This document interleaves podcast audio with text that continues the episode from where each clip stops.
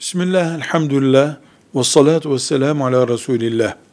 Bir insan öldüğünde mal ve benzeri eşya bıraktıysa, Allahu Teala'nın belirlediği evlat gibi, anne baba gibi, eşler gibi, onlar yoksa kardeşler gibi belli yakınları onun malına mirasçı olurlar. Yani o malı Allah'ın koyduğu ölçülere göre aralarında bölüşürler. Kur'an'ımız kimin ne kadar alacağını, yüzde kaç alacağını belirlemiştir.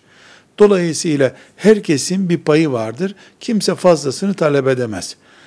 Ee, eğer mirasçılar aralarında anlaşırlarsa, mesela e, yüzde on beş düşecek biri, yüzde otuz düşecek biri, ben e, yüzde yirmi yirmi yapalım, bölelim bunu şeklinde bir rıza gösterirse, bu rızada eğer hepsi reşit insanlarsa, yani akil ve bali insanlarsa bu mirasçılar, onlar bir rakama razı olurlarsa aralarında bunun dinen bir sakıncası yoktur.